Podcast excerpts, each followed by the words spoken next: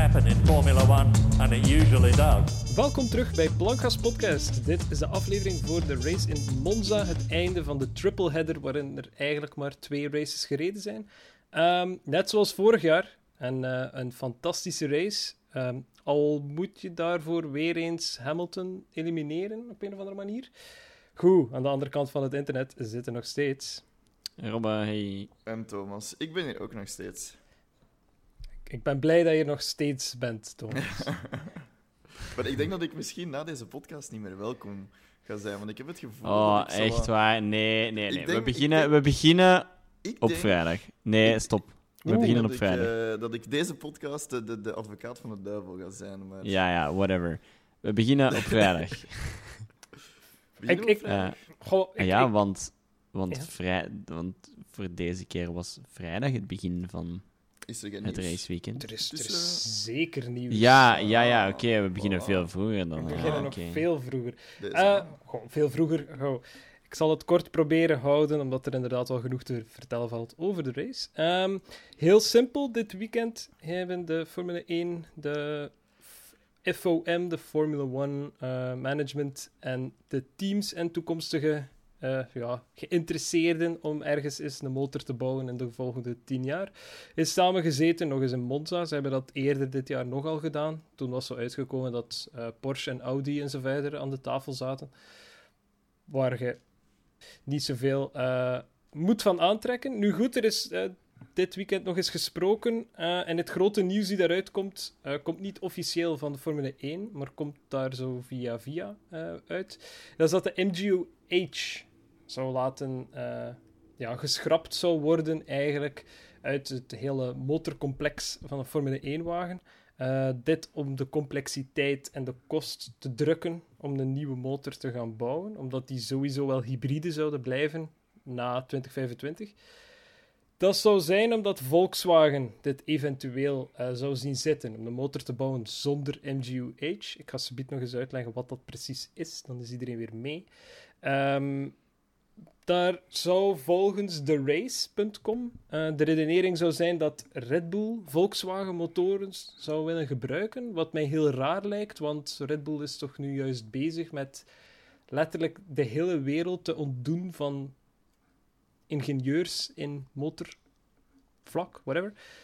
Maar misschien dat het dan een, een samenwerking zal zijn tussen eh, Red Bull en Volkswagen en dat die hun ingenieurs dan gaan plaatsen in Volkswagen. Maar zeggen nu niet Volvo eerst? Of Nee, Volkswagen. Altijd, Volkswagen, oké. Ik kan een, een, een, een fout gemaakt hebben, absoluut. Ja, maar ik, ik kan ook gewoon zijn dat mijn hoofd een kortsluiting heeft gemaakt en Volvo heeft gehoord. hè. Maar Volkswagen eh, klinkt logischer. Ja, met- Volkswagen wordt er natuurlijk Volkswagen Groep bedoeld. Dus je gaat Mhm. niet letterlijk Volkswagen Formule 1 zien. Het zal eerder Porsche of Lamborghini zijn. Lamborghini heeft in het verleden al motoren gebouwd voor Formule 1. Dus is helemaal niet zo raar. Ehm, Mercedes zou zeggen van oké, dat is goed voor ons. Eh, om de heel simpele reden omdat die dan andere dingen kunnen gaan vragen. Omdat dit soort gesprekken gaan nog een aantal keer plaatsvinden doorheen dit seizoen. Waarschijnlijk nog doorheen volgend seizoen. Omdat nu staat er 2025 eh, op papier. Maar blijkbaar, als die MGUH zou weggehaald worden, dan zou het uitgesteld worden naar 2026 om iedereen wat meer tijd te geven. I guess, sure. Ehm, opnieuw, Porsche beweert al jaren geïnteresseerd te zijn om in de Formule 1 te stappen. Ze hebben het vooralsnog nog niet gedaan. Ik blijf altijd, als zij hun mond open doen of als zij ergens bij betrokken zijn, toch wel met de grootste korrel zout die ik kan vinden eh, nemen. Omdat, je ziet het ook in de Formule E, die stappen daar dan wel in. Die produceren een semi-sava wagen, maar ik heb niet de indruk dat die daar zoveel moeite in steken. Gewoon omdat Porsche al zijn vingers in verschillende wateren heeft. Die hebben een eigen, dus die Porsche Supercup. Eh, die stellen dan op de, de IAA in, in München, autosalon in München, de Mission R voor, waar dat dan een, een soort van GT3 elektrische wagen is, waar dan ze dan ook hun eigen races mee willen gaan houden. Ey, Porsche is zoveel aan het doen, dat ik het eerlijk gezegd niet serieus neem als ze zeggen, ja, maar we willen meedoen in de Formule 1. Ja, nee, dat gaat er niet. Je doet gewoon groot en probeert mensen te overtuigen dat je het wilt doen, om dan op het laatste nippertje gewoon de stekker eruit te trekken. Nu goed, om dat af te sluiten, mensen die misschien zoiets hebben van, ja, oké, MGUH, en, en wat is dat dan weer precies? Ehm, heel simpel, is de Motor Generation Unit Heat. Dat eh, recupereert hitte van de uitlaat om zo ehm, ja, thermisch gewijs energie te gaan opwerken. Ehm, wat er speciaal aan is aan de, de H, is dat de energie die wordt opgewekt mag gebruikt worden gelijk wat je wilt. Daar is geen regulering rond. Er zijn geen regels rond. Je moet niet die energie gaan gebruiken om in je uh, kersbatterij te steken en voor je elektrische boost. Dat hoeft niet per se. Je mag dat ook voor andere doeleinden gaan gebruiken. Sowieso gaat het via het ERS-systeem, wat de, de, ECU van de Formule 1-wagen. Mhm. Ehm, dat wordt eigenlijk voornamelijk gebruikt om de turbocharger al op te spoelen. Uh, ah, ja. Ik ging, ik ging net vragen van, ja, waar anders kun je dat dan voor gebruiken? Maar Ja. dus, ja, bijvoorbeeld dan... Er zijn, eh, er zijn teams die dit op, op verschillende manieren gebruiken. Ehm, inderdaad, je turbo al te gaan opspoelen, waardoor dat je ja, geen turbo-lag hebt. De meesten gebruiken dat absoluut daarvoor, want turbo-lag in een Formule 1-wagen zou echt verschrikkelijk zijn. Mensen die misschien niet mee zijn met die termen, heel simpel. Turbo-lag is in de gemiddelde wagen, dieselwagen en zo verder, eh, zit er ondertussen wel een turbo, gewoon om het efficiënt en goedkoop te houden. Heel simpel, als je gas geeft, pas vanaf pakweg 3000 toeren, zoiets, eh, krijg je gelijk een extra duw van je wagen. En dat is omdat die, die turbo aanslaat en u ja, meer lucht in uw... Of meer lucht, ja, meer lucht forceert in uw, in uw cilinders, doordat er een betere gasreactie is en dat het iets sneller gaat. Natuurlijk, in een Formule 1-wagen wilde niet wachten tot een bepaald punt wanneer dat je een extra duw krijgt. Je wilt dat van in het begin. Dus je zorgt ervoor dat die turbo al begint te draaien. Want een turbo is uiteindelijk gewoon een fancy ventilator die lucht in je motor forceert, die normaal gezien wordt aangestuurd door je uitlaatgassen. Daarom dat het altijd iets langer duurt, pakweg 3000 toeren, om die uitlaatgassen tot in de motor te krijgen, die ventilator te laten aanslaan en zo verder. Je doet dat dan met die MGUH, je stuurt gewoon die elektriciteit naar die ventilator, je laat die elektrisch al aandraaien, tot wanneer dat er genoeg uitlaatgassen zijn, dan, dan trekt u elektriciteit terug en dan zijn ze vertrokken. Het wordt ook vaak gebruikt om effectief een extra elektrische boost te geven aan de, de elektrische motoren die er al zitten in de wagen. Al ja, het is allemaal verwaarloosbaar op het einde van de rit, maar als je dit goed kunt toepassen, haal je hier wel serieuze gains uit eh, tijdens een, een wedstrijd natuurlijk. Goed, daarnaast, buiten dit eh, technisch kwartiertje, ehm, er is nog altijd één, één zetje beschikbaar in de Formule 1. Dat is die naast Valtteri Bottas bij Alfa Romeo. Ook daar zijn er een aantal kandidaten. Ehm, bijvoorbeeld Giovinazzi kan nog steeds voor één seizoen terugkomen. En daar kom ik later op terug. Guan Yu Zhou uit de Formule 2, die momenteel tweede is in de rangschikking, Ehm, die zou daar 30 miljoen euro voor over hebben. Om eh, op die stoel te gaan zitten, al dus de geruchten. Dat is geen 30 miljoen dat hij uit zijn eigen zak haalt. Dat is gewoon 30 miljoen in de vorm van sponsoring die naar eh, Alfa Romeo zou vloeien. Net zoals dat je bijvoorbeeld bij Ferrari eh, Galicia Estrella hebt. Dat is eigenlijk Sainz zijn sponsor. Maar goed, ja, die kunnen hun stickers plakken op een Formule 1-wagen, dus die hebben daar wel wat geld voor over. De Vries, niet Nick de Vries uit Formule 1 zou ook nog steeds kans maken. Al heb ik het gevoel dat hoe langer dat die gesprekken blijven duren, hoe minder kans dat die nog maakt. Heel jammer is Formule 2 kampioen, is dan direct naar de Formule E gegaan omdat er geen plaats was in de Formule 1. Zou nu zijn kans kunnen krijgen, maar ik vermoed dat hij daar het, uh, het onderspit zal delven. Laatste kanshebber is Theo Pourchaire, ook uit de Formule 2. Hij heeft eigenlijk Formule 3 niet gewonnen vorig jaar. Heeft dit jaar zal hij Formule 2 ook niet winnen, maar hij is wel heel goed. En hij is Sauber Academy driver. Volgens bepaalde mensen zou Sauber Alfa Romeo in 2023, dus binnen twee seizoenen, hem sowieso in die stoel willen steken. Wat daarvan klopt, weet ik niet, kan ik niet echt nagaan. Ik heb geen contacten, helaas. Um, maar dat zou wel willen zeggen dat gelijk wie dat op die stoel komt zitten naast Bottas voor 2022, daar maar één jaar zou zitten. Want Sauber zou kosten wat kost Theo Pourchaire wel in een stoel willen krijgen en niet zomaar als reserve driver. Ik weet het niet. Dus, Ja, dus dat de- lijkt me. Ja. De kans is gewoon daar groot dat bijvoorbeeld Giovinazzi nog voor één seizoen blijft zitten en dan dat uh, Pourchaire het seizoen daarna erin zetten. Ehm, kosten, baten zou ik dat inderdaad wel kunnen afleiden. Als die geruchten natuurlijk waar zijn. Als dan- het klopt, als het klopt. Maar moest ik in de schoenen van Alfa Romeo zijn, zou ik inderdaad zo lang mogelijk wachten om daar een beslissing in te nemen. Ehm 30 miljoen is natuurlijk niet weinig, zeker niet in dit tijdperk met eh, budget eh, caps. Dan is een 30 miljoen dat je zelf al niet meer moet ophoesten. Eh, dat maakt het wat goedkoper, of nog goedkoper natuurlijk, zeker voor het team als Sauber. Maar goed, ja, als je wilt dat Pourchaire in die stoel komt zitten vanaf 2023, wat gaat je dan doen met zo? Gaat je dan zeggen, ah, oké, het is goed, alsjeblieft, kom maar bij ons. Dankjewel voor je 30 miljoen. En het is maar een contract van een jaar, want eigenlijk willen we jou volgend jaar niet meer in die stoel hebben zitten. Ja, ja. Maar is, is Jou, is dat een... eh, moet ik zeggen... Ja, Sauber Academy Driver? Of, Ik dacht van Dus niet. Is dat geen Alpine? Eh, ik vermoed van wel, eigenlijk. Ik ga het, dat heb ik nu niet opgezocht, dus eh, slechte punten voor mij. Ik heb het niet opgezocht. eh. Denk je niet dat zou daar bewust van zou zijn dat het maar voor één jaar zou zijn? En mogelijk gewoon dat ene jaar wacht tot als dan Fernando Alonso zegt van ja, kijk, Formule 1, ik heb het er toch mee gehad. Ik ben, ik ben hier toch weg bij Alpine. En dan bij Alpine binnen kan. Hij is inderdaad onderdeel van de Alpine Academy momenteel. Dan Dus zie ik hem eerder de, de, de plek innemen van Alonso na volgend seizoen. Alonso heeft wel een contract van een 1 plus 1. Hè? Dus hij kan nu een jaar, sowieso volgend jaar nog blijven rijden Ja. bij Alpine. En het jaar daarna heeft hij eigenlijk ook de voorkeur, omdat dat wordt voorgeschreven via zijn contract.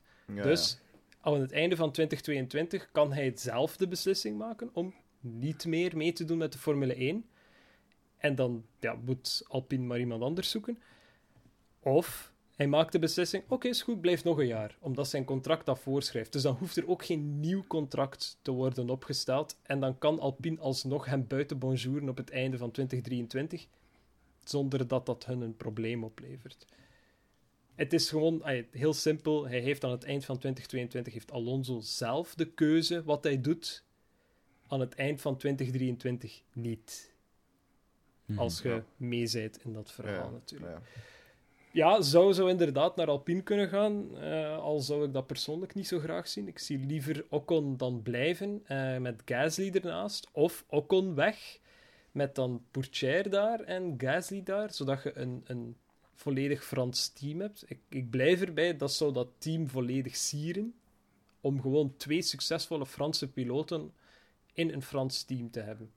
Ja.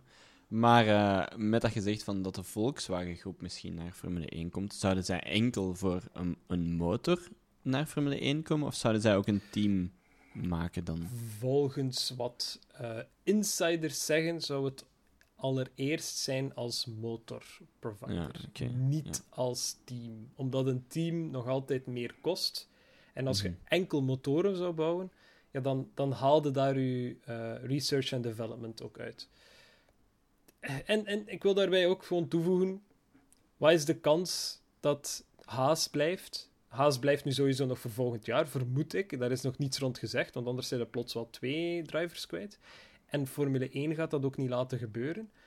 Maar een elfde team lijkt mij op dit moment wat moeilijk. Misschien dat ze het wel overwegen natuurlijk. 2025 is nog, nog even, dat is nog een paar jaar. Dus het kan wel zijn dat, dat Volkswagen Groep zoiets heeft van oké, laat ons die gesprekken meevolgen. Laat ons dan een beslissing maken wat we willen doen. En eventueel starten we een elfde team. Als de budgetcap ons genoeg zint, als dit financieel ons genoeg zint om hier aan mee te doen, waarom niet? Maar houd er wel vooral rekening mee, ehm, op, op politiek vlak dan, als ik het zo kan zeggen. Volkswagen eh, ja, heeft ook al gezegd dat ze voornamelijk elektrisch willen gaan. Hè. Dus het, het wordt wat moeilijk natuurlijk om uw investeerders en uw board of directors te gaan overtuigen van ah, kom, we doen mee aan de Formule 1, want dit is goede marketing voor ons. Om dan erachter te komen dat verbrandingsmotoren zijn, al dan niet hybride. Om dan wel aan uw publiek, ah, maar koop onze ID3 en ID4 en whatever. Maar misschien kunnen ze het wel hard maken van kijk, we doen technologische research in de Formule 1 om zoveel mogelijk die elektrische units verder te developen. En onze research en development gaat Natuurlijk, daar ja, naartoe. ab- en- absoluut. Ehm, wa- wat er de vorige keer het grote gerucht was, dat ik misschien nu gewoon voor context terug ga aanhalen. Porsche is vooral geïnteresseerd in de Formule 1 en zou blijkbaar als een van de hoofdpunten eh, dat ze naar voren schuiven van oké, als je dit kunt doen, dan doen wij mee. En dat zou synthetische brandstof zijn. Gewoon omdat Porsche zelf miljoenen aan het investeren is aan eh, methodes om synthetische brandstof te bouwen, die zowel koolstofneutraal zijn, als gewoon werken in iedere wagen die momenteel eh, op straat rijdt. Laten we ervan uitgaan, benzinewagens eerst, want dat lijkt mij het simpelste. Ehm, maar daar zijn die mee bezig. Dus als de Formule 1 zou kunnen zeggen van, oké, dat is goed, in de regels stellen wij op dat er geen normale benzine niet meer wordt gebruikt, of al dan niet aangevuld met bio- bio-ethanol, maar gewoon volledig synthetisch, ja, dan heeft Porsche daarbij te winnen, want één, hun research levert op, en twee, de kans is groot dat ze dan ook niet enkel motorsupplier zijn, maar ook gewoon brandstofsupplier. Dus ja, dat, dat levert wel een aardig cent in het zakje. Nu goed, ik weet het niet. Eh, daar wordt nu vooral over gezwegen, misschien omdat dat nog niet aan de orde is. Eh, opnieuw, er komen nog zo'n gesprekken. Ik kan niet zeggen wanneer. Ehm, dat dat de vorige keer is dat gezegd geweest. Nu lees ik nergens waar dat eh, nog eens zou plaatsvinden. We zien wel. Anyway, ik denk uh, het, het, moment is er gekomen om over het weekend te beginnen. Nu mag ik het zeggen, Robbe. Zeg het. Nu, nu mogen jullie het zeg. overnemen. Ah, ja. Robbe, zeg het, zeg het. Uh, ja, qualification was op vrijdag van, uh, van deze week, hè? Yes, sir. Yes, sir. Ja, weer een speciaal weekend, toch, hè? Allee, die sprintraces, ik vind het wel echt goed. Want anders is zo vrijdag, dan zitten we te kijken en dan denkt je, ja, waarom kijk ik eigenlijk? Ik zie gewoon wat auto's rondrijden die dan eigenlijk voor niet veel reden rondrijden buiten mensen dat de track leren kennen of dingen aan het testen zijn. En uh, het was saai, hè? Maar nu dus die vrijdag zo toch die, die qualification. Dat is toch... Ja, ik vind dat Ja, toch dus- wel beter. Het is inderdaad zo'n beetje meer uitgespreid. Hè? Dus je hebt meer, eigenlijk meer Formule 1 dat het ertoe doet op een heel weekend dan... dan ja, nu drie dagen in plaats van twee. Want Ja. op de vrijdag is nu ook iets. Dus ja, ik vind het... Ik, ik heb een aantal... Ja, er was een beetje een discussie van mensen die sprintraces niet zo goed vonden. Ik vond het eigenlijk goed, want het heeft eigenlijk wel een beetje de basis gelegd naar de race die we vandaag hebben gehad. Dus Amai. ik, ik ben nog steeds fan van de sprintraces. Ja, ik langs één kant wel. Ehm, want eh, een paar jaar geleden was ik ook in Monza. En zo, die vrijdag, dat is zo'n dag dat je daar wel echt gewoon zit. En je hebt dan zowel de F2 en de F3 die dan al iets of wat coole dingen doen. Maar eh, zo niet echt dat ik zou zeggen van... Ja, oké, bon, daar zou ik nu eens echt veel geld voor geven. Die vrijdag en die zaterdag kosten nu op zich relatief niet zoveel. Zoals we vorige week eh, of twee weken geleden aangehaald hebben met Spa. Maar dat is toch zo'n dag dat je daar dan zo zit en denkt van... Ja, misschien had ik dan toch... Wat, ik weet niet de stad kunnen gaan bezoeken of zo. Maar dat doe je dan niet, want je zijt daar dan, je hebt daarvoor betaald. Ehm, maar zo ja, nu hebben ze die qualification, dat is wel echt cool. En, en zoals gezegd, ja, de, de zaterdag heeft zowel wat de voorbode gegeven als van, van wat het de zondag ging zijn. Eh, het enige nadeel dat ik vind met die sprintrace is, is ja, wat er gebeurd is met Pierre Gasly. Op zich kon hij daar heel weinig aan doen. Een auto voor hem remt. Bam, Ja, vleugel weg. Bam, auto weg. Geen race meer op zondag. Ja. Dat had even goed kunnen gebeuren tijdens de race zelf. En dan was het, was het ook van dat. Nu had, hij, nu had hij nog de kans om terug te komen kijken naar Bottas. Ja, Nu, oké, klopt. eh, beide Alpines zijn dan uiteindelijk niet gestart. Of, of, of is Gasly wel gestart? Jawel. Alpha. Alfa Alfa Tauri, niet Alpine. Uh, zei ik Alpine? Ja, ja, zeker. Gasly, Gasly is gestart, maar is in de eerste... Nee, in de vijfde lap eh ja, is, is geretired. gedeinigd. Ja. Ja, Ehm, omdat jij daar straks Gasly bij Alpine zei. Daarom ben ik aan... aan, aan sorry, Ja, ja. Hij zit er nog niet. Hij zit hij er zit er nog niet. Nog niet, nog, nog niet. niet. Hey. Dus, maar ja, inderdaad, het, het, het Ehm, kan gebeuren. Hè, dus. Wel, dat is een beetje het ding met, met sprintraces. Die in Silverstone, dat was een leuk experiment. Je merkte dat ze nog niet 100% zeker waren hoe dit ging werken. En daar hadden dan ook al, wie was het, Perez, die daar dan ook eh, de barrières in vliegt samen met Sainz. En nu ziet het weer, nu zie je weer zo'n accident samen met, met Gasly dan. En dan denk ik, dit is het niet waard. Het is het niet waard om iemand zijn, zijn race op zondag te hypothekeren voor iets waar dat, waar dat enkel de top drie punten halen. En oh ja, oké, je kunt je, je grid place gaan verzekeren. Het is absoluut waar, absoluut. De vrijdag gebeurt er niet veel. Je qualifying de vrijdag. Ik heb, ik heb het gezegd in de podcast, half al lachend, maar ik, ik ga daar ook mee akkoord met wat ik zelf zeg, uiteraard. Ehm, het is ideaal, hè? Het, is, het is om zes uur. Om zes uur heb ik zeker gedaan met werken. Ik zet mij in de zetel, ik pak mij whatever om te drinken. En oh, het is kwalificaties. Het is spannend, het is leuk, het is een vrijdagavond. Waarom niet? Hetzelfde dan met die sprintrace op zaterdag. Op plots zitten daar een half uur wedstrijd. Te midden Formule 2 races, eh, zoals dit weekend. Ah, ideaal. Een, de hele dag weer is gevuld met spanning. Hetzelfde dan de zondag. Die sprintrace maakt uiteindelijk wel de, de zondag net iets interessanter, omdat je zo dat voorsmaakje krijgt.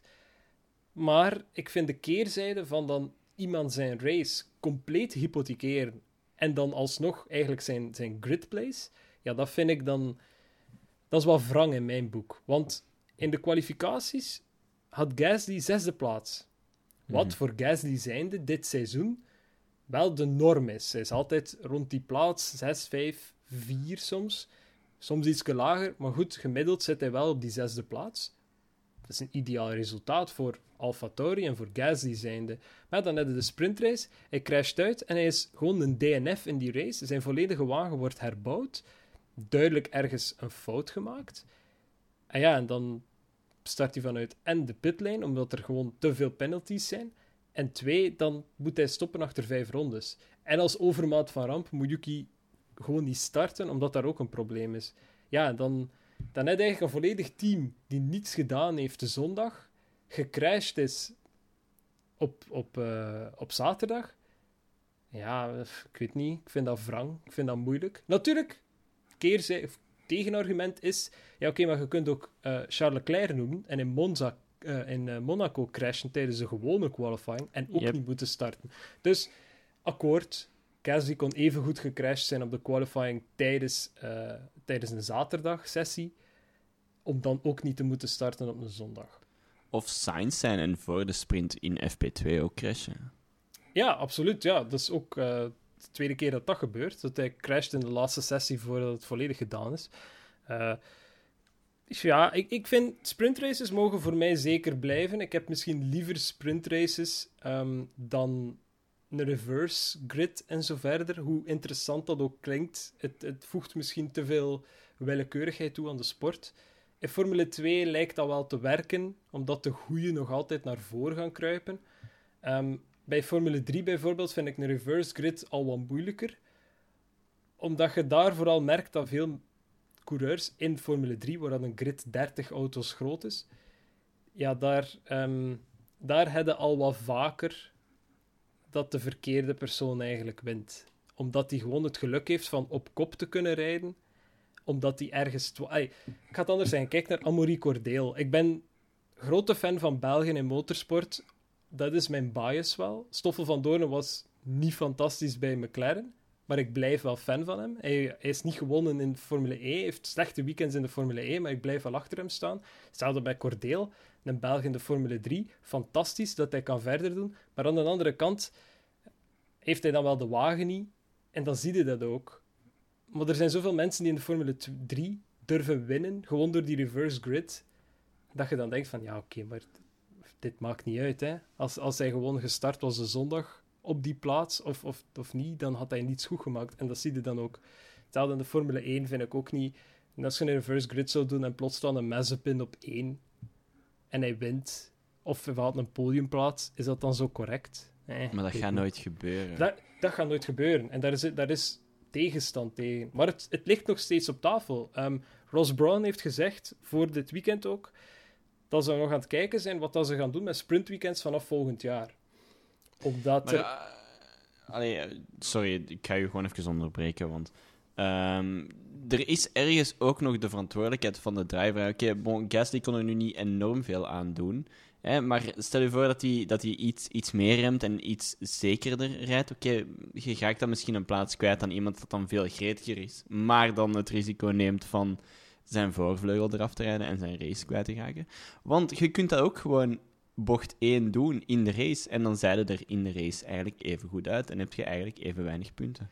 Maar dan zijn we in een volwaardige sessie bezig. En dat is een beetje het probleem. ja, een volwaardige sessie waar dat je dan eigenlijk ook niks aan hebt. En dan zet je ook Nee. DNF Lab 1, hè? Nee, nee, absoluut. absoluut. En dat, dat, is, dat is juist. Dat is een beetje uiteindelijk wat dat, wat dat Tsunoda nu overkomt. Hè. Allee, Voilà. Tsunoda moet niet starten omwille van een technisch probleem, maar hij heeft wel die sprintrace kunnen uitdoen. Ehm, het, het ding is dan, volgens mij, ik ben het niet en ik ga het nooit zijn, maar als Formule 1-piloot kun je het misschien jezelf mentaal meer ge- vergeven dat je, ah oké, maar ik ben gecrashed, maar het was al de race. Weet je, alles kon gebeuren.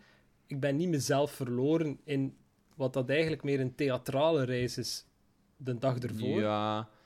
Ik, ik denk bijvoorbeeld nu met het voorval van Gasly, we zullen dat gewoon blijven Mhm. gebruiken. Ik denk niet dat Gasly zich daar ook één stukje zichzelf in twijfel trekt of, of zichzelf de fout daar geeft. Want hij kon niks anders, denk ik, doen daar dan, dan wat dat hij gedaan heeft. En dat maakt het langs de ene kant inderdaad wel jammer. Hè. Ik spreek nu mezelf tegen, van hij had misschien iets anders kunnen doen, maar ik denk het niet.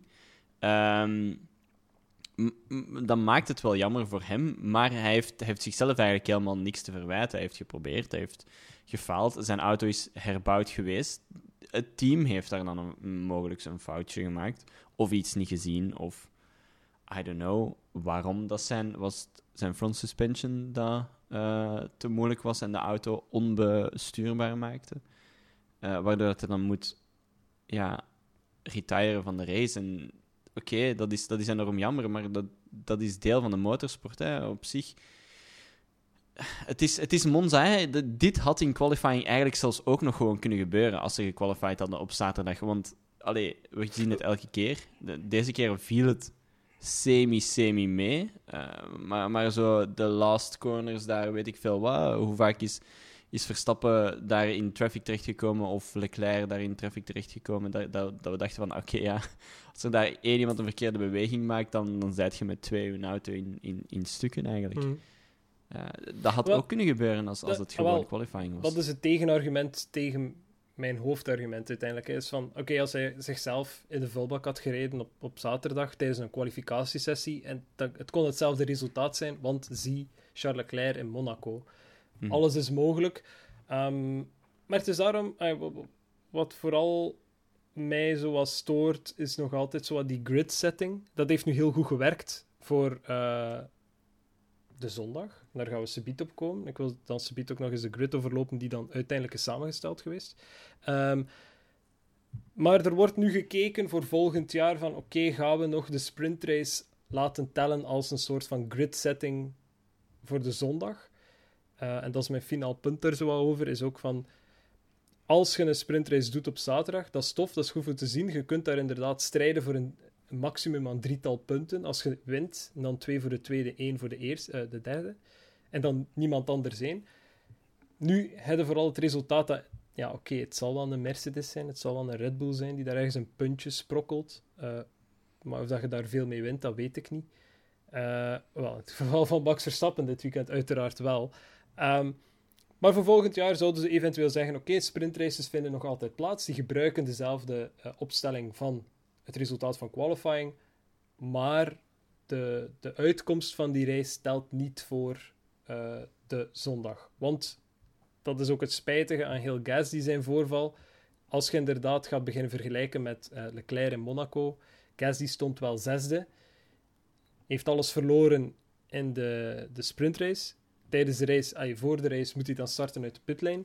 Ja, Leclerc mocht in Monaco wel nog steeds starten vanaf de eerste plaats. En heeft daar ook wel geteld twee seconden gestaan. Of juist niet. Dus ja, dat is het verschil.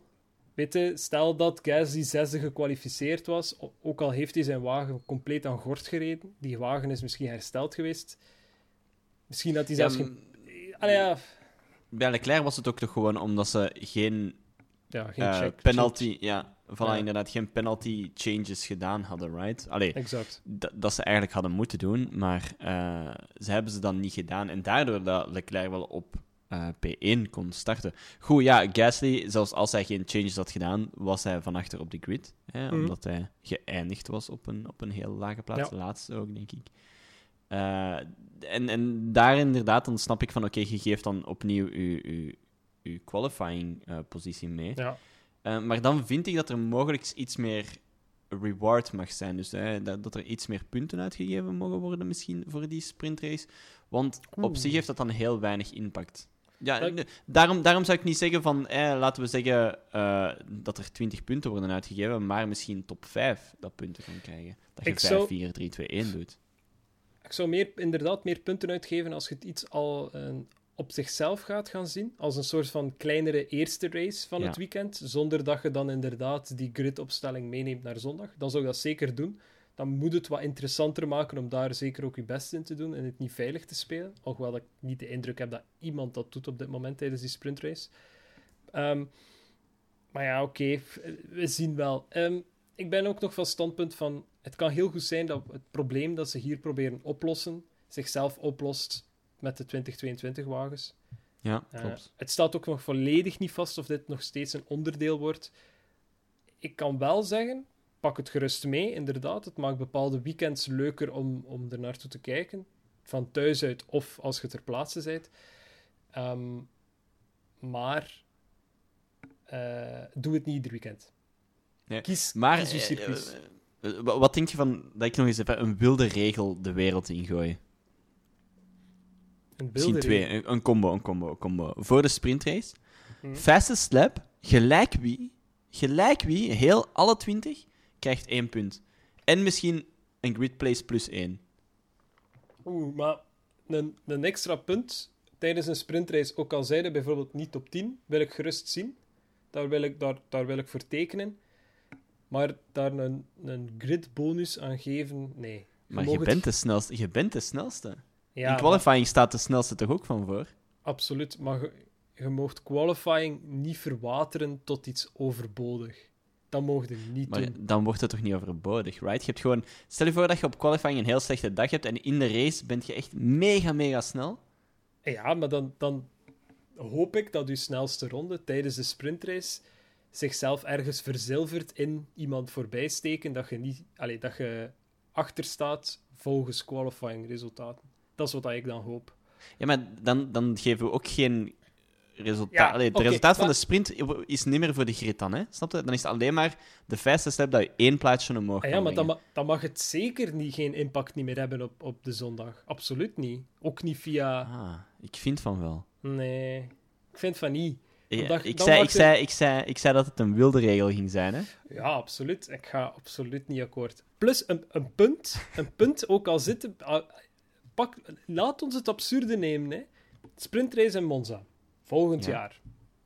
Alles gaat goed. Mazepin haalt snelste ronde en staat ergens P17. Wilde hem dan een plus 1 geven en plus een punt? Waarom niet? Als hij de snelste lap kan zetten tijdens de sprintrace?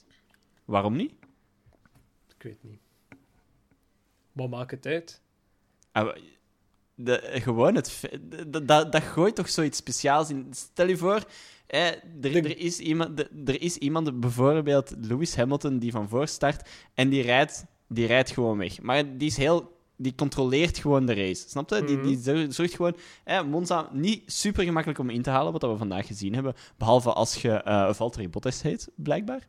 Ehm, en je gaat er gewoon niet voorbij door... Eh, een probleem dat mogelijk volgend jaar is opgelost. En dan is dat allemaal niet meer nodig. Maar je raakt er niet voorbij door turbulent air, bijvoorbeeld. Right? Maar je hebt zoiets van: oké, bon, die achter mij zit echt nog zo 35 miljoen seconden achter mij. Ik heb wel wat ruimte. Ik zal eens een keer laten zien dat ik eigenlijk wel een pak sneller ben dan die Mr. Hamilton voor mij, die dat hier gewoon alles aan het controleren is.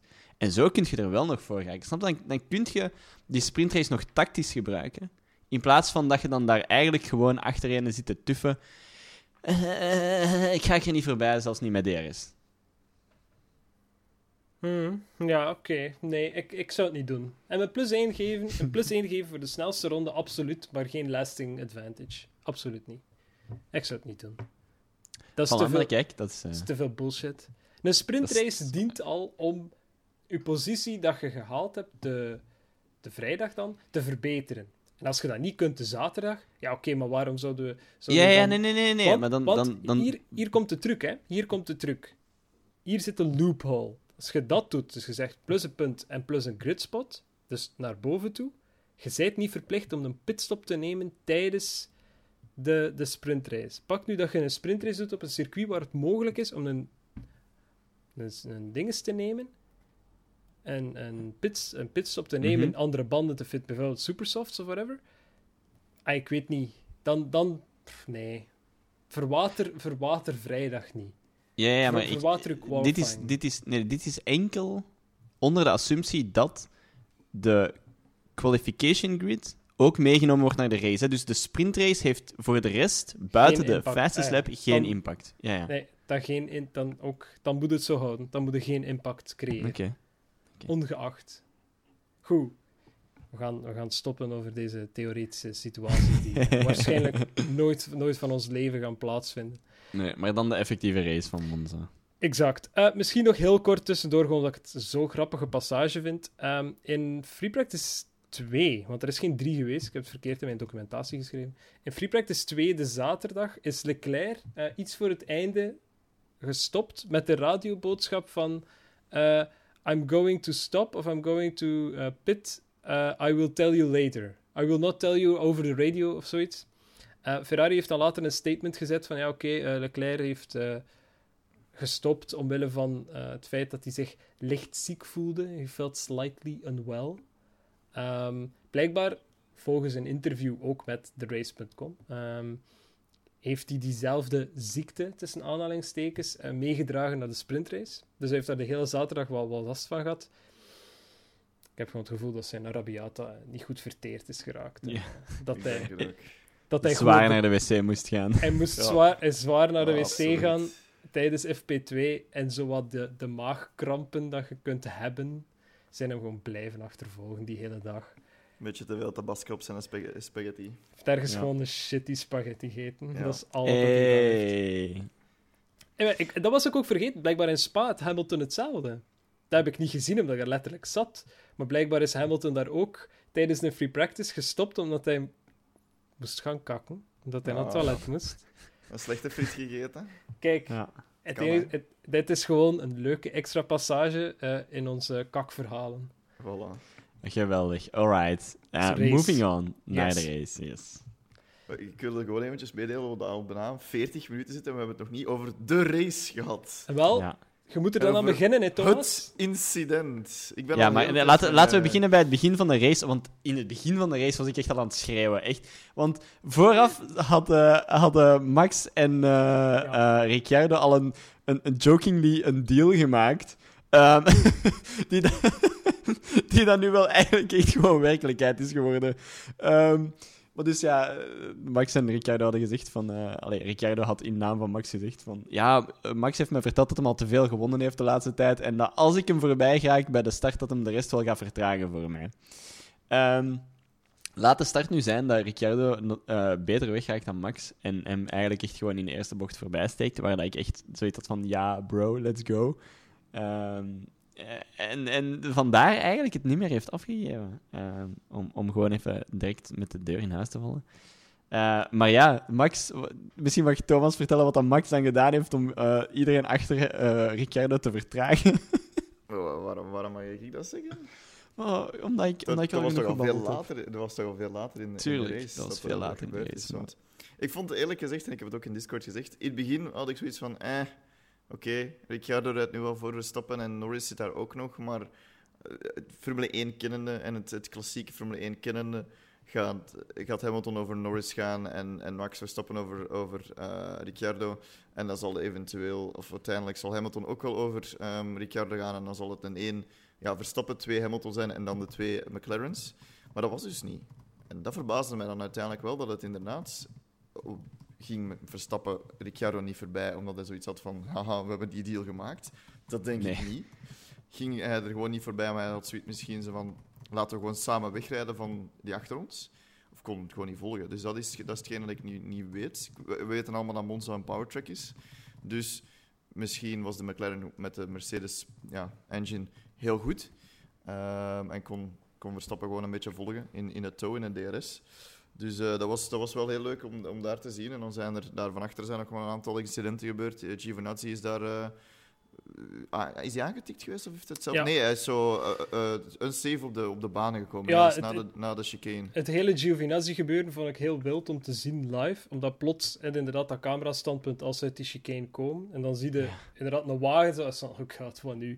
Maar inderdaad, Giovinazzi is eh off-track geduwd geweest. En is dan ja, enorm snel gewoon terug het circuit overgaan over de, de drempels. En is recht in het pad van Sainz terechtgekomen. Waardoor dat Sainz hem dan een tik heeft gegeven. Ja, per Ja. ongeluk, gewoon omdat Giovinazzi daar plots staat. Ja, dat heeft natuurlijk niemand eh, goed opgeleverd. Ik dacht eerst dat Leclerc was, omdat Leclerc op hetzelfde moment een radio stuurt van please check if I have a puncture.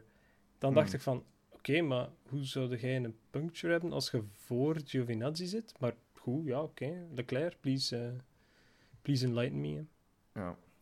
Dus dat was, daar zijn een aantal eh, nog wat situaties geweest. En dan, eh, dat was pas later met... met, met is is Mazepin daar ook nog eens rondgegaan? Ik weet het zelf niet wat er nog gebeurd is. Maar dat was... ik denk dat dat later pas was.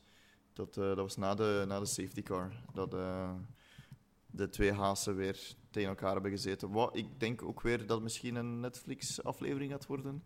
Laten we hopen dat daar ook weer het drama komt. Maar ik denk dat jij, eh, Zweefhoes, ik denk dat jij, jij wordt gewoon mij aan het warm maken voor het incident. En ik denk, gewoon niet, ik denk dat iedereen het gezien heeft. Als je het nog niet gezien hebt, dan heb je gewoon niet op social media gezeten de afgelopen like, dag. En morgen waarschijnlijk ook. Het incident. Hamilton komt uit de pit. Ver- Verstappen komt van de straight. Hamilton heeft een eh pitstop. Verstappen heeft een hele slechte pitstop. En ja, ze rijden op elkaar en ze staan op elkaar en beiden uit. En ik gewoon eventjes voordat we de hele discussie beginnen, thank God voor Halo's. Ja, Want klopt. zonder Halo's hadden we Hamilton waarschijnlijk niet meer gehad, of eh, heel lang oud geweest, of zelfs eh, heel veel, heel veel een heel harde blessure. Ja, laten we, laten we zeggen dat zonder Halo's eh, Max waarschijnlijk eh, dit jaar kampioen was geworden. Nee, waarschijnlijk, ja. Of in de gevangenis zat voor een moord, maar dat kan ook. Maar ja, goed. Dat is eh, misschien wat we nu moeten discussiëren, want wie was daarin fout? Volgens de FIA Ja. was Verstappen in fout, want ze hebben Verstappen nu een drie-place penalty, grid place penalty gegeven Ja. voor volgende race eh, Sochi. Dus volgens de FIA is Verstappen in fout, maar voor- volgens heel Discord is, eh, is het anders. Ik snap, ik snap niet hoe dat, hoe dat de FIA daar nu gezegd heeft van ja, Verstappen is in fout. Want Verstappen was in die bocht. Hij heeft inderdaad later geremd. Ja, oké, sure. Maar hij krijgt zijn auto wel gedraaid voor de bocht. Hè. Hij zat daar wel hè, met zijn wielen. En dan ineens was Hamilton daar van... ha, nee. En, en dan, wat moet je dan doen als Max zijnde? Ja, dan kun je niet anders dan die curb pakken. Maar zijn auto was gedraaid. Hij was volgens mij, voor zover dat ik kan zien, of kon zien, hè, ik heb een beetje herbekeken, had hij zijn auto onder controle in die bocht en was hij ingedraaid. En, allee, of je dan nu later remt of niet, hij was, voordat de bocht effectief er was, zoals de FIA het dan zo mooi kan noemen, significantly alongside Hamilton. Volgens mij. Volgens de FIA blijkbaar dus niet. En zij kijken dan eerder naar het breaking point dan, hè, de, de 50, het 50 meter bord, willen Ja. zij dan naar gaan kijken. Ik snap niet zo goed waarom. Eh, misschien dat dat een arbitrair punt is dat zij in de regels hebben gezet. Eh, dat weet ik niet. Daarvoor zal ik, zal ik de regelboek moeten nakijken. Maar mij leek het dat Max inderdaad stevig die bocht was ingegaan, daar niet van. Maar wel volledige controle had over zijn wagen. En of dat je nu... Ja, ik, ik snap niet waarom dat fout is, want de manier dat je inhaalt is toch gewoon vaak door later te remmen dan, dan uw tegenpartij. Of ben ik daar dan nu zo verkeerd in? Ja, absoluut. En zeker daar. Je, je, je wint plaatsen in de eerste chicane op, op Monza puur door later te remmen dan je tegenligger. Met mogelijkste schade of niet genoeg of te hard nog steeds in de bocht te gaan om af te geven. Zoals we gezien hebben tijdens Formule 2 bijvoorbeeld. Je ziet het voldoende, je ziet het genoeg. Maar ik vind gewoon heel die situatie moeilijk. Dit is gewoon terug dezelfde discussie die iedereen gevoerd heeft met Silverstone. Als we eens heel nuchter willen spelen en, en geen kant willen trekken. Ehm, ik denk in, in, in het meest nuchtere geval zijn ze gewoon alle twee een fout. Net zoals dat de FIA voorschrijft, maar op een of andere manier enkel maar eh, Max Verstappen hier straft. Waarom weet ik niet. Ze geven zelf toe dat ze eh, de, de, het resultaat van hun ruling en het resultaat van de crash niet meenemen voor de straf die ze toekennen. Toch heb ik het gevoel dat ze hier heel hard eh, Lewis Hamilton zijn, zijn kant kiezen. Inderdaad, eh, wat gebeurt er? Ik zal mijn, mijn visie op de feiten gewoon nog eens herhalen. Thomas, voel u vrij om hetzelfde te doen binnen hier in twee jaar. Ja, Eh, nee, heel simpel. Eh, eh, Max Verstappen heeft een heel shitty stop. Eh, gaat, gaat als eerste binnen. Nee, Ricciardo gaat als eerste binnen. En, en Max Verstappen reageert daar niet op, ook al stonden zijn eh, mechanics buiten. Ja, oké, dat is eigenlijk ook al tegen de regels, als we dan heel eh, anaal willen gaan doen. Ehm, maar goed, oké, hij komt de volgende ronde binnen. Ze hebben miserie met dan eh, zijn achterwiel op te, eh, op te klikken. Volgens wat ik gelezen heb, was het omdat de OK-button niet is ingeklikt geweest en dat het daarom dan eh, geen release gaf. Oké, whatever. Hij staat 11,11 eh, 11,1 seconden stil, met dan nog eens de tijd die hij verliest van gewoon aan, wat is het, 80 km per uur te moeten rijden in die pitlane. Dus ja, hij heeft een serieuze achterstand, of toch veel verder dan wat hij had gehoopt te staan.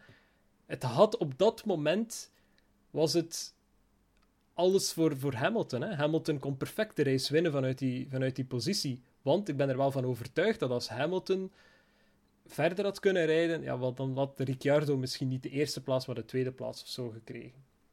Nu goed, ja, dat zijn what-ifs en daarvoor moeten bij Marvel zijn op Disney Plus en niet bij ons.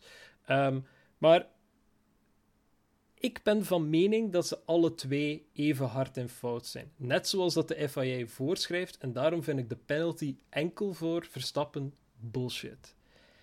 Je hebt Hamilton die uit de pits komt. Hij is duidelijk wel voor Hamilton. Maar goed, Hamilton blijft geven, zoals dat hij zou doen voor moest hij niet uit de pits komen.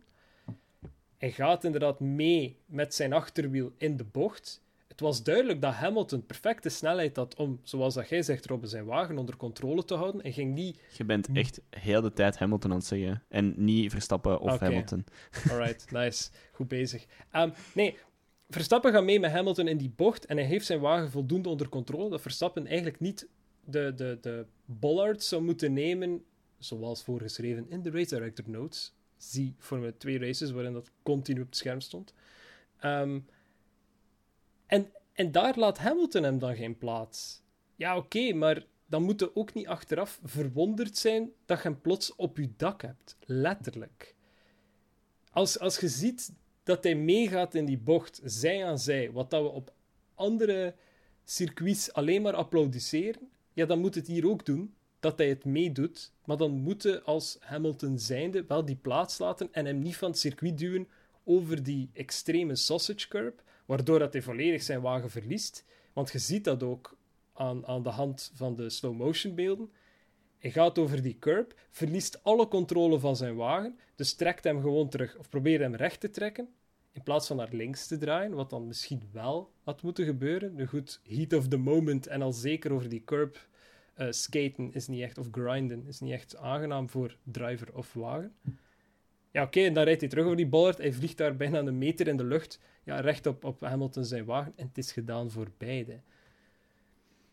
Alhoewel dat Hamilton nog probeerde om voor eruit te geraken. Hè? Ja, oké. Eh, Absoluut. Ja, Hamilton probeerde nog los te raken, ook al was Hamilton, eh, Verstappen al recht aan het staan. Wat dat ook niet echt zo oké is. Maar goed, Hamilton kan dat niet zien, gezien dat Verstappen zijn wagen op zijn helm aan het leunen is, bij wijze van spreken. Letterlijk. Wel, ja, niet op zijn helm, gelukkig. Anders was hij inderdaad wel een kopje kleiner. Haha. Ehm, nee, maar Verstappen was ook nog gas aan het geven. Hè. Verstappen dacht ook dat hij daar nog ergens weg ging raken. Het is ook een heel eigenaardig beeld dat je gewoon hebt. Dan. Die wagen zit daar gewoon keihard gas te geven. En dan, ah ja, oeps, ja, mijn onderstel hangt in de lucht. Nee, ik, ik vind het moeilijk. En als ik een nuchter antwoord moet geven, ga ik niet akkoord met de penalty die Verstappen krijgt, als Hamilton die penalty ook niet krijgt. Want ze zijn beide even hard in fout. En dan wil ik nog tussen beiden laten of dat er nu effectief moving under braking is gebeurd in de, de braking zone. Want ik heb de beelden nog niet opnieuw gezien. Ja, want laten we daar dan ook nog eens even over. Als het het 50 meter punt is waar dat de, de cut-off wordt dan gedaan, waar dat je ernaast moet zijn, dan is dat toch ook het punt waar dat je niet meer mag bewegen. Laat, ik zal het nu even tussen tussen beide laten of dat hij nu voor of na de 50, het 50 meter bord is beginnen bewegen of niet. Ik heb de beelden niet gezien.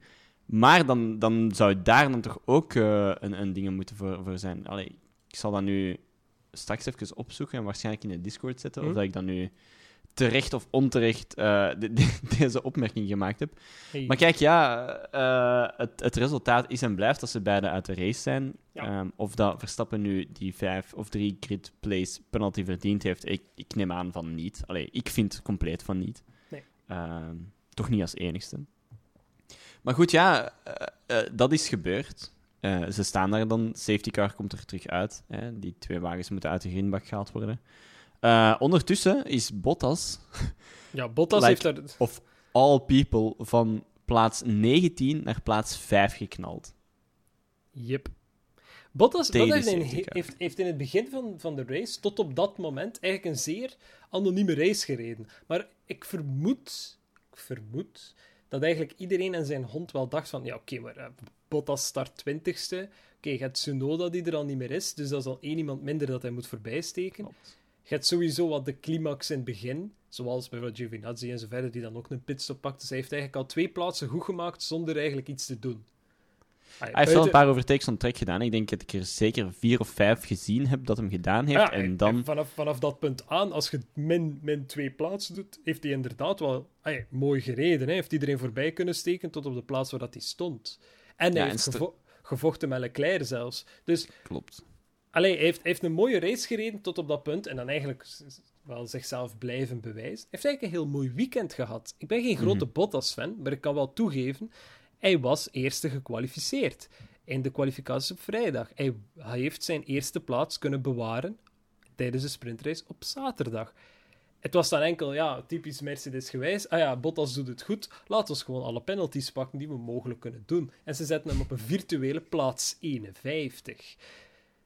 Oké, men- Ja. mensen die misschien dit dan niet snappen, plaats 51, dat kan toch niet? Ze zijn toch maar met 20? Absoluut, dat is correct.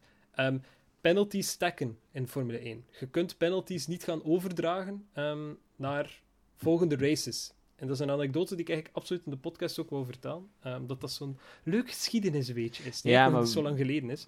We hebben dat al eens, eh, het er al eens over gehad, hè? Weet je dat meer? In een van onze technische podcasts. Maar ga vooral uw gang. eh ja, en dan- dan... super eh, interessant. Mensen die misschien de oude podcast niet beluisterd hebben, ik, absoluut, waarom niet? Ehm, heel simpel, Bottas krijgt nu, of kreeg een penalty P51, omdat hij min 10 plaatsen krijgt voor dat onderdeel. Min 10 plaatsen voor dat, min 10 plaatsen voor dat. En uiteindelijk, alles wordt samengeteld en je kunt niet gaan overdragen. Je kunt niet zeggen, ik neem er nu 10 om er volgende race nog eens 10 te nemen. Nee. Een andere loophole die gesloten is, want nu zouden kunnen zeggen, ja maar ja, wacht eens. Als je telkens als je een nieuwe motor open doet, want daar komt het effectief op neer. Als je de doos open doet waarin die zit, dan pakt u 10 plaats penalty. Waarom doen ze niet allemaal open? S- het is toch simpel? Je hebt drie motoren, je doet ze alle drie open. Waarom niet? En je gebruikt ze whenever you want. Wel, McLaren Honda heeft dit gedaan in het verleden.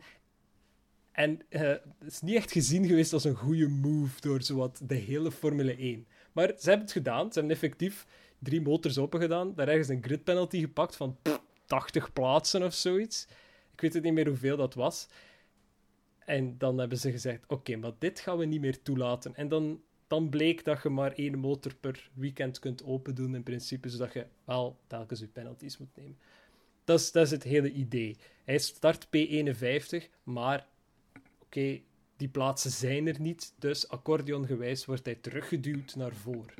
Want het is Ja. enkel maar als er iets gebeurt tijdens eh, de warm-up lap op zondag, dat je met lege plaatsen eindigt. Zoals Tsunoda, die van de grid wordt gehaald, ah, dan is zijn plaats leeg en wordt er niet naar voren geschoven.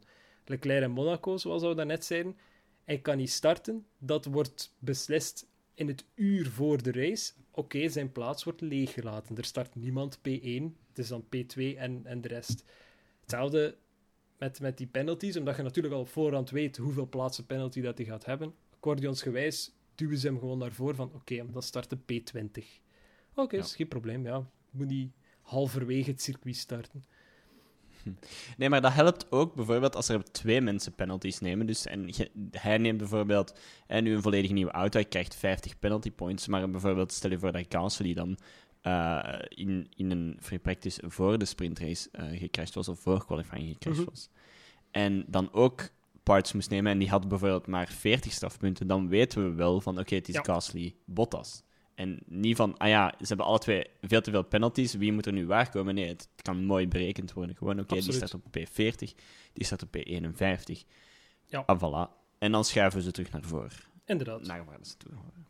Absoluut. Ehm, en, en het is daar op, dat punt dat ik ook wil komen. Eh, het, het heeft allemaal nut wat ik zeg. Eh, je gelooft het misschien niet, maar over drie jaar gaat er nog dingen vinden van... Amai, en die had dat toen al gezegd. Pourchaire, bij Alpine, amai. Het- ja, whatever. Was het niet, was het niet, was het niet Gasly en eh, Ocon bij Alpine? Ja, maar de, halverwege had ik Ocon ook al buiten gesmeten. Ah, oké, Dus- oké.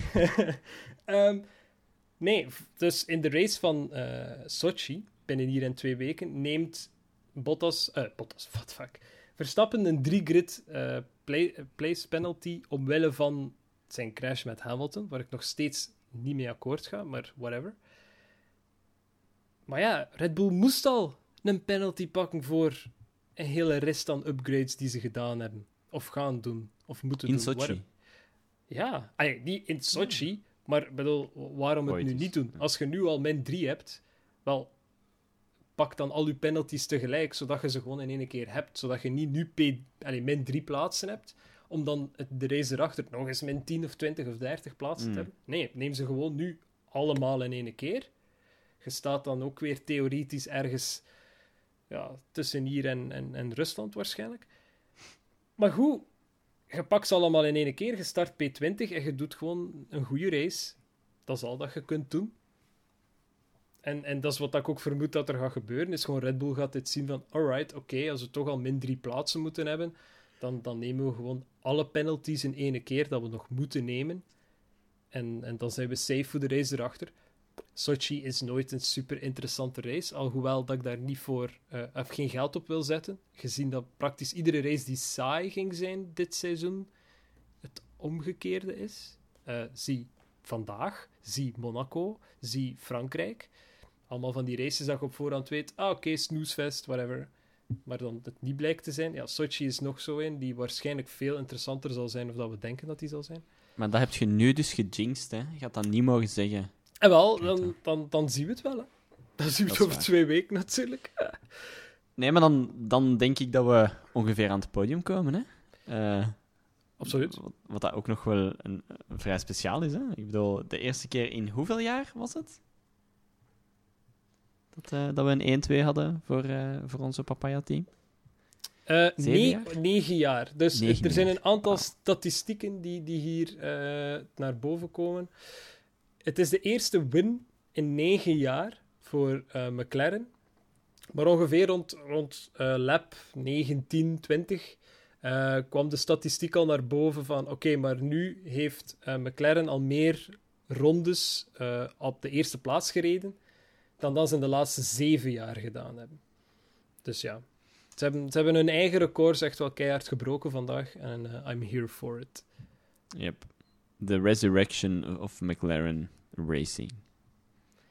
Ja, absoluut. absoluut. Het- ik vind het wel grappig dat we, dat we twee jaar op rij een Monza eh, Redemption Stories tot een, een, een bepaald einde brengen. Of toch een hoofdstuk beëindigen. Eh, Gasly vorig jaar met zijn eh, overwinning in, in Monza, waardoor dat hij zo het hele Gasly is een shit driver ge- gegeven van zijn schouders heeft geworpen. Ja. Dat is fantastisch. Ik moet ook wel zeggen, Gasly is sindsdien ook wel consistent goed gebleven. Ja, dus ik absoluut. hoop dat ik dat bij Daniel Ricciardo ook ga zien. Nee, maar, maar gewoon bij de volledigheid van het McLaren-team. Dit is wat die mensen nodig hebben. Dit is eh, ondertussen al, al drie jaar aan investeringen in het team, in, in de mensen die er zitten, die opleveren. Dit is het harde werk van, van iedereen binnen McLaren die eindelijk eens een resultaat oplevert, maar dan direct ook het best mogelijke resultaat dat je kunt hebben. Een 1-2. Dat is iets die de laatste zoveel jaar, in, in, in, die laatste negen jaar waarin dat ze niet gewonnen hebben, eigenlijk enkel maar was weggeschreven voor een Mercedes, een Red Bull en nu en dan een keer een Ferrari. Mhm. En nu plots staan zij daar als vierde team die ook op een circuit kunnen zeggen: Wel, maar wij hebben daar ook een 1-2 gehaald. En ik wil zelfs nog meer zeggen: het is niet door een technicality, door een, een soort van Mozes heeft de zee in twee gedeeld. Het, het is niet omdat Hamilton en Verstappen gecrashed zijn dat Ricciardo plots zoiets had van: Ah, oké, I'll take that place. Nee, Ricciardo Hij stond daar. hè. stond daar na, in de eerste ronde. Hij heeft Verstappen in, in de straight, in de eerste straight, voorbijgestoken. En hij is daar gebleven. Verstappen kon hem niet inhalen. Hetzelfde verhaal met Norris op, op de derde plaats dan. Norris had eh, Lewis Hamilton in zijn rug zitten. Hamilton kon hem niet inhalen. Dus het is niet om, om, omdat die twee, daar, die, die twee clones gecrashed zijn. Nee, McLaren stond op die plaatsen uit merit en heeft eigenlijk de vruchten kunnen plukken van het feit dat dan wel ja, Lewis Hamilton en Verstappen eruit raken. Maar het heeft voor Ricciardo niets uitgemaakt. En het heeft voor, voor Lando gewoon een extra plaats opgeleverd. Maar ik voorzag alleszins niet dat, dat ay, Ricciardo niet op het podium ging staan. Lando was Mhm. misschien nog een twijfelgeval. Moest iedereen in de wedstrijd gebleven zijn. Omdat je dan en Hamilton en Bottas hebt in je nek. Is misschien iets moeilijker. Maar goed, Ricciardo ging sowieso op het podium staan. Yep. Dus dit is niet gewoon van, ah ja, oké, hij heeft gewonnen, maar ja... het- Nee, nee, nee, nee, nee. Hij heeft gewonnen omdat hij ging winnen. Omdat iedereen zaterdag al bezig was van, oké, ja, oeh, eh, Ricciardo staat achter, staat achter Bottas, eh, of, of, of stond achter Verstappen. Ja, hij kan eigenlijk wel op het podium staan. Hij gaat sowieso zijn shoey kunnen doen. Mhm. Dus ja, nee, kijk, ik ben, ik ben absoluut tevreden met het resultaat. En het resultaat mag er ook gewoon zijn. Goed. Eh, dat brengt ons, na, na het podium brengt dat ons natuurlijk dan bij eh, onze predi- predictions. right. Ehm, ja. Gaëtan, jij had Verstappen, Hamilton, Perez. Wel, kijk. Ik denk geen een van de drie, hè. Eh, uw bot was wel juist Perez niet in de top 3 van de sprint. Dat was het geval. Ehm, ik had handbot ver. ehm, wat ik dacht dat een heel slimme ehm, move was, maar ja, kijk. Eh, helaas. Bottas negeert teamorders. Eh, er waren niet veel teamorders te geven, denk ik. Thomas had bot per Nor. Dat zijn er twee van de drie in de top drie. Klopt. Just, just saying. En Just als ik saying. kijk naar al de rest in predictions, zit ik er het dichtste bij Het dichtste bij, mogelijks wel. Mogelijks wel. Ja, verhandbod. Ja, dus Weimeister had eerst ver per gas, maar heeft dan dat veranderd naar gas ver per. Ehm, helaas. Eh, zijn Ja. Bolt, een rijder van de drie backmarkers team, haalt Q3. Dat was nu... S- Ja, maar dat is sowieso wel, hè. Dat, is, dat, zijn zes mensen. en dan gaan er maar... Ah, Q3. Ja, ja, ja, oké. Ik dacht Q2. Ja, Giovinazzi, inderdaad, in Q3. Eh, dat, is, eh, dat is correct dan. Sorry, ik had eh, Q2 gelezen. Dan hebben we Abdi Bot Vernor zegt. Eh, daar zit er ook eh, basically wat dat jij hebt gezegd, maar dan Verstappen in plaats van Perez.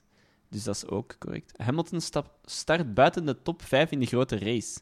Bijna. Bijna, hè? De vijfde was hem zeker. hè? Ja, hij startte wij. Ja, heel close. En dan had je nog Ian, die zegt Verstappen, Hamilton, Bottas. Eh, dat is eentje juist, op de juiste plaats zelfs. Dat is tot nu toe eigenlijk het beste, hè? Ja, En Haas- Verstappen en aan Hamilton. Ja, maar hij heeft wel één op de juiste plaats. Gaat zelfs maar- geen op de juiste plaats. Ik had Norris wel in de top 3, dat is wel bold. Nee, nee. Eh, Kijk, ehm, een haas in de top 12. Was dat het geval? Nee. Nee, hè? Maar er zijn, ja, er zijn wel... Hoeveel DNF's geweest? Vijf? Ja. Ik ga het even nakijken. Wat, wat, is, wat is het resultaat? F1... Wat, wat, wat was deze? Eh, Monza. Goed zo. Eh, ja, sorry, maar...